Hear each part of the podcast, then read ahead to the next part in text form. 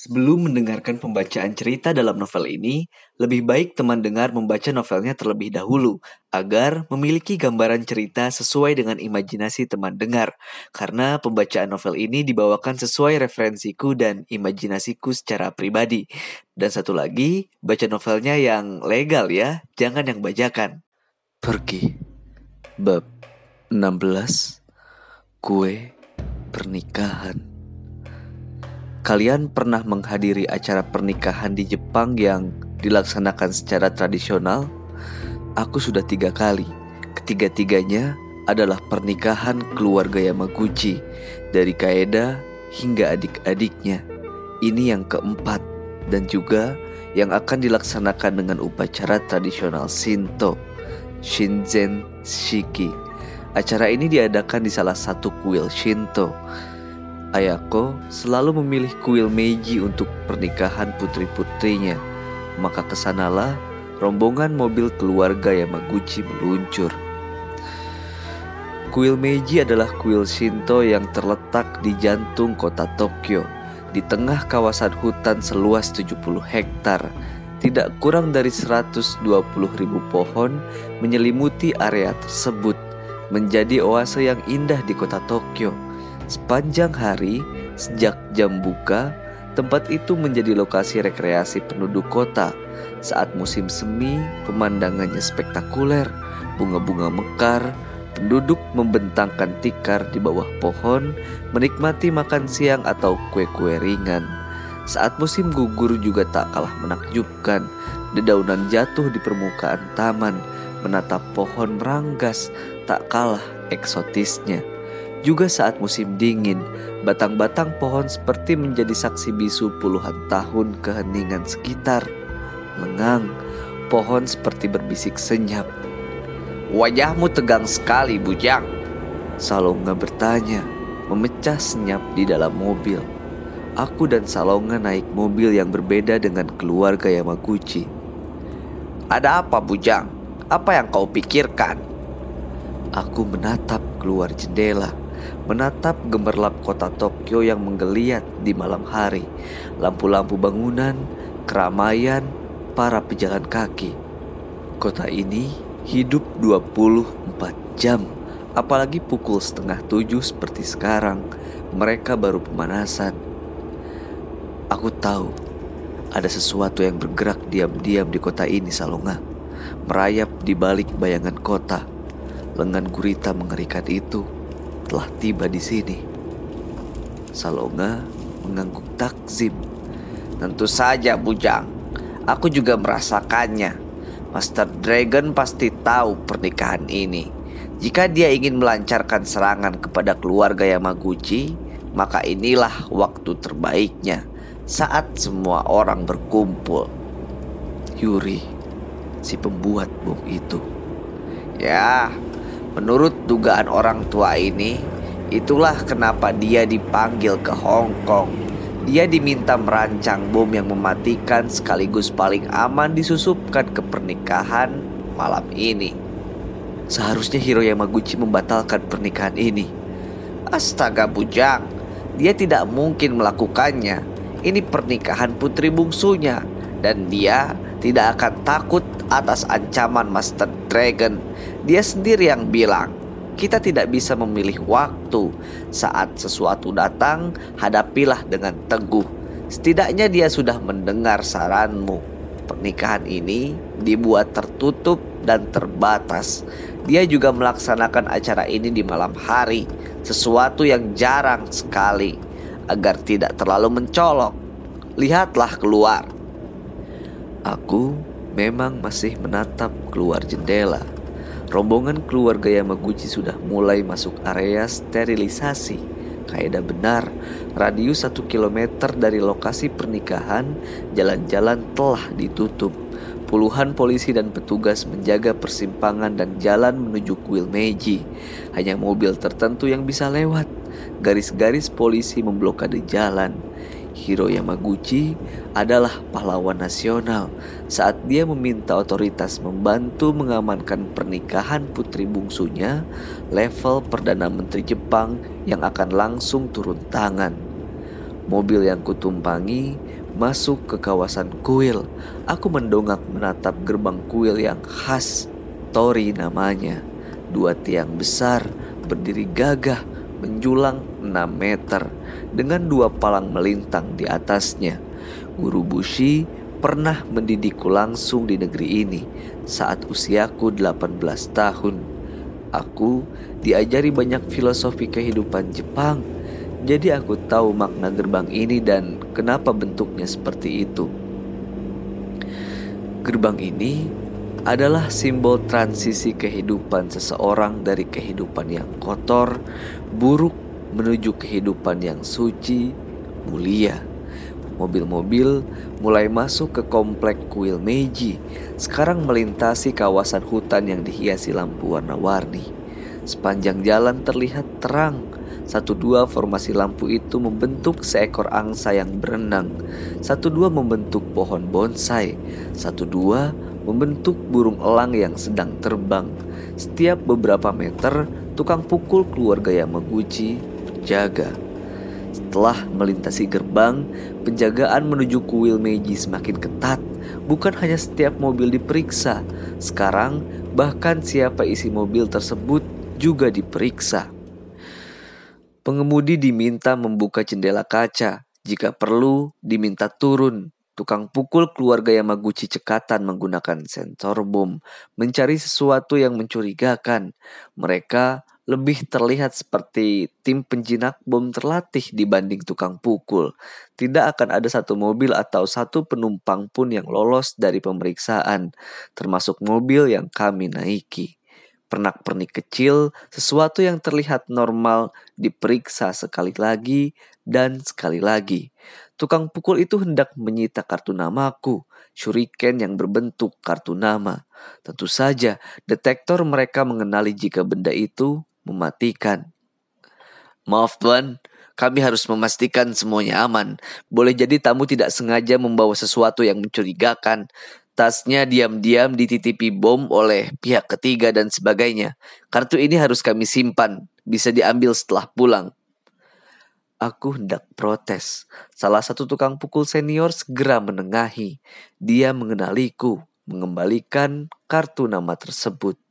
Dia adalah Bujang San, sahabat Tuan Hiro. Dia boleh masuk membawa benda itu. Aku memasukkan kembali benda itu ke kantong celana, termasuk pistol milik Salonga. Aku lebih baik pulang ke Tondo sekarang juga jika kalian mengambil pistolku. Salonga mendelik, marah-marah di pintu pemeriksaan. Eh, maaf atas kesalahpahaman ini Tuan Salonga. Tukang pukul senior itu kembali menengahi, mengambilkan pistol, menyuruh anak buahnya memeriksa mobil berikutnya, tamu undangan berikutnya. Tapi itu pesan yang kuat. Jika aku dan Salonga saja diperiksa, apalagi tamu lain. Akashi tidak main-main dengan keamanan. Mobil-mobil akhirnya terparkir rapi di area dekat bangunan utama kuil Meiji. Dijaga penuh tukang pukul keluarga Yamaguchi. Rombongan mempelai wanita turun dan melangkah menuju bangunan utama kuil Meiji. Rombongan mempelai laki-laki juga sudah menunggu di dalam. Walaupun kesibukan pengamanan di luar begitu masif, acara pernikahan ini hanya dihadiri tak lebih dari 40 orang, termasuk pengiring pengantin perempuan. Aku melangkah masuk ke dalam ruangan kuil tempat acara berlangsung sebentar lagi, menatap sekitar, mengenali wajah-wajah yang diundang oleh keluarga Yamaguchi, sesekali membungkuk melihat daftar tamunya. Hanya keluarga terdekat dan kawan karib Hiro Yamaguchi. Sejak tadi, aku awas memperhatikan. Mataku menyapu tajam semua sudut ruangan, semua benda, apa pun itu. Sudah sifatku sebagai tukang pukul terlatih memastikan semua baik-baik saja. Aku bukan hanya tauke besar atau sekedar tamu undangan biasa. Aku adalah si babi hutan Naluriku selalu bekerja bahkan dalam senyap ruangan. Aku merasakan adanya ancaman serius di acara ini. Ada yang salah dengan acara ini. Meja panjang, botol sake, gelas-gelas, ornamen, hiasan, bahkan saat pendeta Shinto masuk, aku memperhatikan dari kaki hingga ujung rambut. Apa pun yang dia bawa, apa pun yang dia kenakan. Hei, dia jelas bukan anggota Yamaguchi. Dia bisa saja menyelipkan bom di balik bajunya. Tapi pendeta itu sepertinya kenalan dekat Hiro dan Ayako Yamaguchi. Mereka sempat saling menyapa hangat. Tidak perlu khawatir Tuan Bujang. Akashi berbisik. Dia berdiri di sebelahku. Semua tamu undangan sudah berdiri sejak tadi di belakang meja-meja tinggi dengan gelas sake di atasnya. Acara akan segera dimulai. Aku menggeleng. Aku tidak khawatir Akashi tapi jangan pernah mengendurkan pengawasan. Hai Tuan Bujang, kami tidak akan mengendurkan pengawasan sedikit pun. Di depan sana, mempelai wanita dan mempelai laki-laki telah masuk ruangan. Musik tradisional gagaku mulai mengalun lembut mengiringi prosesi. Mereka pasangan yang serasi. Sakura mengenakan kimono berwarna putih dengan tudung besar. Pasangannya mengenakan jubah kimono berwarna sebaliknya, hitam. Pendeta Shinto mulai memimpin acara dengan mempersembahkan doa-doa kepada dewa. Suasana sakral terasa kental. Dua mempelai kemudian disucikan. Lantas keduanya bergantian meminum sake dari tiga cawan. Kecil, sedang, dan besar. Sebanyak sembilan kali hisapan. Terakhir, Kedua mempelai saling mengucap sumpah suci yang disaksikan seluruh tamu undangan. Upacara kemudian ditutup dengan persembahan simbolik kepada para dewa dengan bentuk ranting sasaki. Tamu undangan beberapa kali membungkuk ke arah pengantin, juga kepada orang tua mempelai, besan, dua keluarga telah dipersatukan, mengangkat gelas-gelas sake di atas meja, bersulang Suasana menjadi lebih mencair, tawa riang, seruan hangat. Aku tidak menyentuh gelas-gelas itu. Aku tidak pernah minum minuman keras sejak mama dulu mewasiatkan hal tersebut. Seharusnya kalian menyiapkan soft drink untuk bujang atau air mineral. Salonga bergumam kepada Akashi. Hai, tapi aku lupa soal itu Tuan Salonga. Nanti aku pesankan jus jeruk atau jus mangga. Itu lebih sehat dan bergizi. Akashi tertawa pelan. Aku tidak menanggapi Salonga dan Akashi. Aku sejak tadi terus fokus mengawasi. Musik tradisional Jepang terus terdengar hingga kedua mempelai sekali lagi membungkuk kepada tamu undangan. Acara minum sake hampir usai Lantas tamu beringsut meninggalkan ruangan acara. Aku menghela napas pelan. Sejauh ini tidak terjadi apa-apa. Semua berjalan lancar. Prosesi pernikahan telah selesai.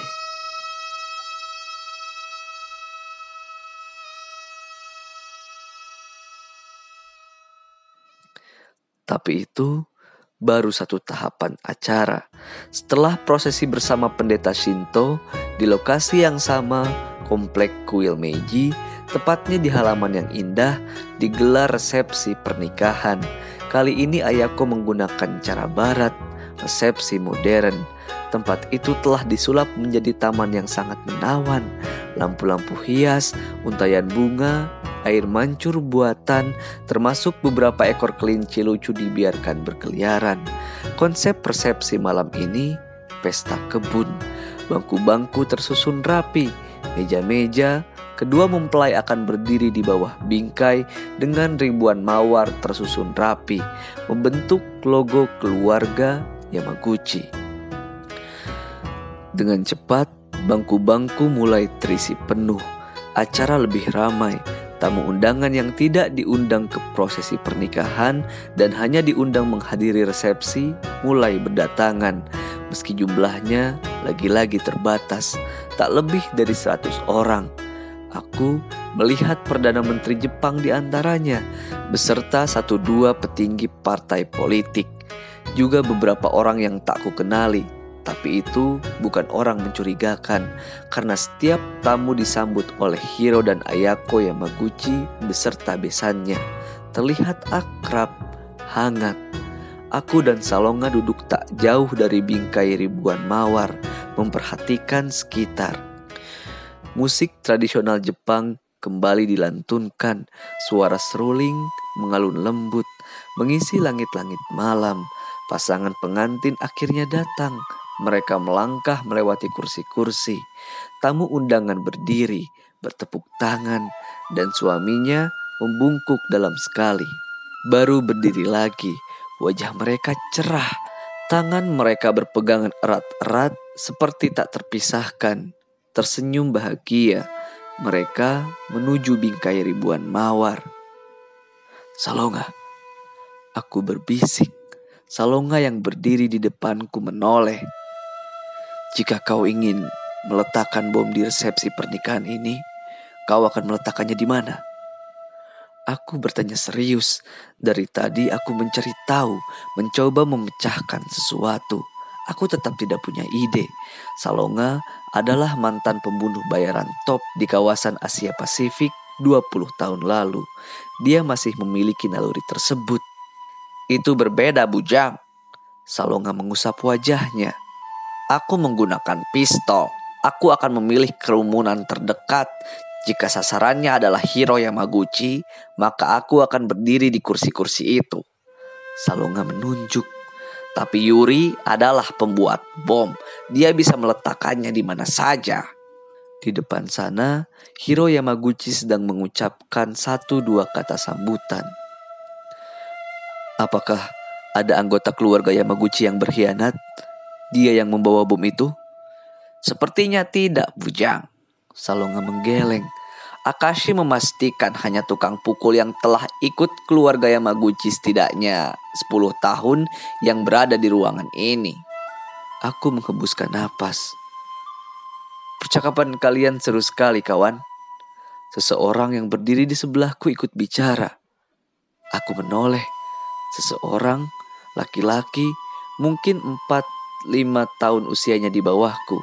Dengan tinggi hampir sama, ikut bicara. Wajahnya cemerlang, tatapan matanya tajam. Thomas, seseorang itu menjulurkan tangan. Tapi keluarga dan teman-teman dekatku memanggilku Tommy. Demi sopan santun, aku ikut menjulurkan tangan. Genggaman tangannya kokoh. Siapa dia? Aku tidak mengenali orang ini, tapi dia berbicara dalam bahasaku dan wajahnya jelas menunjukkan dia dari negaraku. Kalian keluarga Tong bukan? Aku menatapnya, menyelidik. Bagaimana dia tahu? Aku konsultan keuangan internasional. Rekayasa keuangan adalah spesialisasiku. Anak muda itu mengambil kartu nama dari sakunya, menyerahkannya kepadaku. Keluarga Yamaguchi memintaku melakukan 3-4 kali restrukturisasi raksasa di bisnis mereka. Itu spesialisasiku. Tentu aku tahu dunia kalian, keluarga penguasa shadow ekonomi. Jika berkenan, boleh aku meminta kartu nama tauke besar? Bukankah begitu seorang kepala keluarga Tong dipanggil? Dia bertanya sopan. Aku mengangguk, mengambil kartu namaku di saku. Si babi hutan. Anak muda itu tersenyum simpul membaca tulisan di atas kartu yang kuserahkan. Dan empat angka nomor telepon. Hanya Tauke besar yang punya nomor sependek ini. Ah, mengagumkan. Ini shuriken bukan? Terbuat dari lembaran tipis titanium. Sangat mematikan. Aku menatap anak muda ini, terpesona. Bagaimana dia tahu? Dia baru memegang kartu namaku beberapa detik. Aku balas membaca namanya di kartu nama. Thomas, seperti yang dia bilang, juga hanya ditulis begitu dengan nomor kontak lebih panjang, nomor telepon normal. Kartu namaku memang tidak sekeren milik Tauke besar. Anak muda itu bicara sopan. Tapi jika Tauke membutuhkannya, kartu itu bisa dirobek dan satu dua tetes cairan yang tersimpan di dalamnya bisa digunakan. Itu bisa melumerkan teralis baja dengan mudah. Well, aku punya sejarah buruk dengan penjara. selalu saja masuk penjara dalam setiap kisahku. Jika itu kisah novel, penulisnya selalu tega menjebloskanku ke dalam penjara dalam setiap buku. Jadi aku menyimpan rahasia kecil itu. Siapa tahu berguna untuk meloloskan diri. Aku menatap kartu nama yang kupegang sejenak, memasukkannya ke dalam saku. Omong-omong, kalian membicarakan tentang apa tadi? Bom? Thomas kembali ke topik percakapan awal. Iya, acara ini boleh jadi sedang dalam bahaya serius. Aku mengangguk. Orang ini bisa dipercaya. Seorang musuh tidak akan memberitahu rahasia kecil kartu namanya. Dan dia diundang Hiro Yamaguchi dalam acara sepenting ini. Berarti dia juga kawan dekat. Sementara di depan sana, Hiro Yamaguchi telah selesai memberikan sambutan. Suara tepuk tangan terdengar. Hiro membungkuk dalam-dalam, lantas melangkah ke samping istrinya. Pembawa acara resepsi memanggil seorang penyanyi ternama Jepang, menyanyikan satu lagu spesial untuk pasangan pengantin. Lagu itu telah melantun merdu sejak tadi. Aku berpikir demikian, kawan. Ada sesuatu yang terjadi di sini. Pemeriksaan yang ketat, pakaian khusus penjinak bom, pernak-pernik yang diperiksa Aku tahu Hiro Yamaguchi berjaga-jaga atas sesuatu. Thomas ikut mengamati sekitar. Tapi orang yang mengincar Hiro Yamaguchi pastilah berani sekali melakukannya. Bom itu bisa sekaligus mengenai Perdana Menteri Jepang. Itu bisa memicu perang kawasan. Thomas bergumam. Aku menggeleng. Master Dragon tidak takut apa pun. Dia bahkan bisa memicu perang dunia ketiga jika dia mendadak kalap. Atau dia merakit bom yang secara akurat hanya melukai target tertentu, disembunyikan di dalam suatu yang sangat tidak bisa diduga dan luput dari perhatian. Lantas benda itu hanya dikelilingi oleh sasarannya. Hmm, bom itu bisa akurat membunuh tanpa mengenai tamu undangan lain. Aku mengangguk, itu teori yang masuk akal. Hiro Yamaguchi pastilah sasaran terbesarnya. Thomas bergumam dia seperti mesin, kepalanya sedang berpikir cepat, memasukkan banyak variabel, mencoba menemukan sesuatu. Benda itu harus berada di dekat hero, meledak di momen tak terduga. Benda itu juga luput dari pengawasan karena dianggap sesuatu yang tidak mungkin disusupi. Aku mengangguk lagi. Di depan sana, penyanyi telah selesai. Dia membungkuk kembali ke kursinya. Acara beranjak ke bagian berikutnya yang lebih meriah prosesi, pemotongan, kue pernikahan. Persis pembawa acara berseru soal itu, dari jalan setapak terlihat sebuah kue pernikahan di atas meja didorong menuju bingkai seribu mawar. Tamu undangan kembali bertepuk tangan. Kue itu indah sekali, tingginya satu meter, bertingkat tiga, puncaknya seperti gunung Fuji, sekelilingnya seperti lukisan perkampungan indah. Kue itu tiba di tengah-tengah taman bunga. Astaga, apa yang anak muda di sampingku bilang? Lihatlah, Hiro dan Ayako Yamaguchi beserta besanya melangkah mendekati kue pernikahan itu.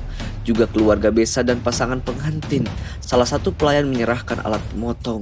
Sakura dan suaminya memegang alat potong itu. Beranjak maju, mereka siap memotong kue. Kue, kue pernikahan! pernikahan! Aku dan Thomas berseru hampir berbarengan. Hirosan, menunduk! Tanpa menunggu waktu lagi, Thomas seperti seekor macan tutul telah loncat melewati bangku-bangku.